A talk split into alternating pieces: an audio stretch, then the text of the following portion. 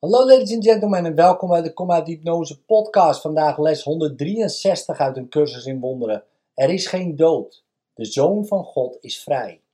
De dood is een gedachte die vele vormen aanneemt, vaak niet als zodanig herkend. Ze kan verschijnen als droefheid, angst, verontrusting of twijfel, als woede, ongelovigheid en gebrek aan vertrouwen, als bekommernis om lichamen, afgunst en als alle vormen waarin de wens te zijn wat jij niet bent, jou kan komen verleiden.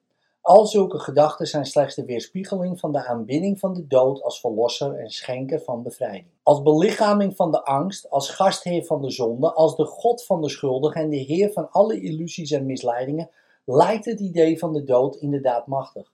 Want hij houdt schijnbaar alles wat leeft in zijn verdorde hand.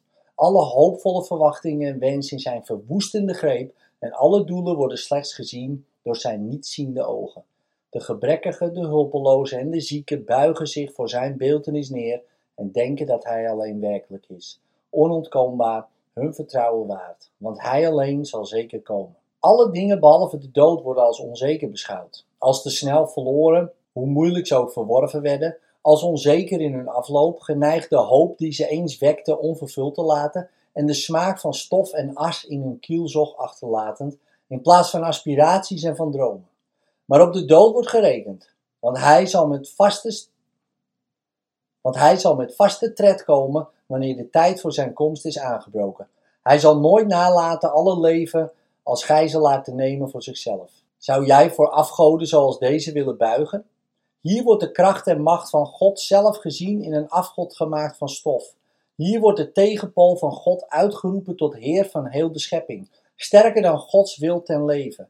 De oneindigheid van de liefde en de volmaakte onveranderlijke bestendigheid van de hemel. Hier wordt de wil van de Vader en de Zoon uiteindelijk verslagen en onder de grafsteen ter ruste gelegd, die de dood geplaatst heeft op het lichaam van de heilige Zoon van God. Onheilig in de nederlaag is hij geworden tot wat de dood wilde dat hij was. Zijn grafschrift, door de dood zelf geschreven, geeft hem geen naam, want hij is tot stof vergaan. Het luidt alleen: hier ligt de getuige voor de dood van God. En dit schrijft de dood telkens en telkens weer, terwijl zijn aanbidders alsmaar instemmen. En neerknielend fluisteren ze met hun voorhoofd op de grond, vol angst dat dit zo is.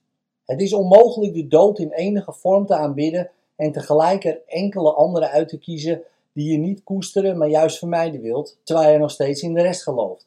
Want de dood is totaal. Ofwel alle dingen sterven, of anders leven ze en kunnen niet sterven. Er is geen compromis mogelijk. Want hier zien we weer een onmiskenbaar standpunt dat we moeten accepteren, willen we innerlijk gezond zijn. Wat één gedachte totaal tegenspreekt, kan niet waar zijn, tenzij bewezen is dat het tegendeel onwaar is. Het idee van de dood van God is zo absurd dat zelfs waanzinnigen moeite hebben het te geloven. Want het houdt in dat God eens levend was en op de een of andere manier omkwam, blijkbaar gedood door hen die niet wilden dat hij bleef leven. Hun sterkere wil kon over de zijne triomferen en zo is het eeuwige leven bezweken voor de dood. En met de vader stierf eveneens de zoon. De aanbidders van de dood zijn bang misschien. En toch kunnen gedachten als deze angstaanjagend zijn. Als ze zagen dat wat ze geloven niets anders is dan dit, zouden ze onmiddellijk zijn bevrijd. En jij toont hun dit vandaag. Er is geen dood en wij verwerpen die nu in iedere vorm omwille van hun verlossing, als ook de onze. God heeft de dood niet gemaakt. Daarom moet elke vorm die jij aanneemt een illusie zijn. Dit is het standpunt dat we vandaag innemen. En het is ons gegeven voorbij de dood te kijken en het leven erachter te zien. Onze Vader, zegen onze ogen vandaag. Wij zijn uw boodschappers en we willen naar de schitterende weerspiegeling van uw liefde kijken die in alles straalt. Wij leven en bewegen in u alleen. Wij zijn niet gescheiden van uw eeuwige leven. Er is geen dood, want dood is niet uw wil. En wij vertoeven waar u ons hebt geplaatst. In het leven dat wij delen met u en met al wat leeft, om voor eeuwig zoals u en deel van u te zijn. Wij aanvaarden uw gedachten als de onze en onze wil is eeuwig één met die van u. Amen. In liefde, tot morgen.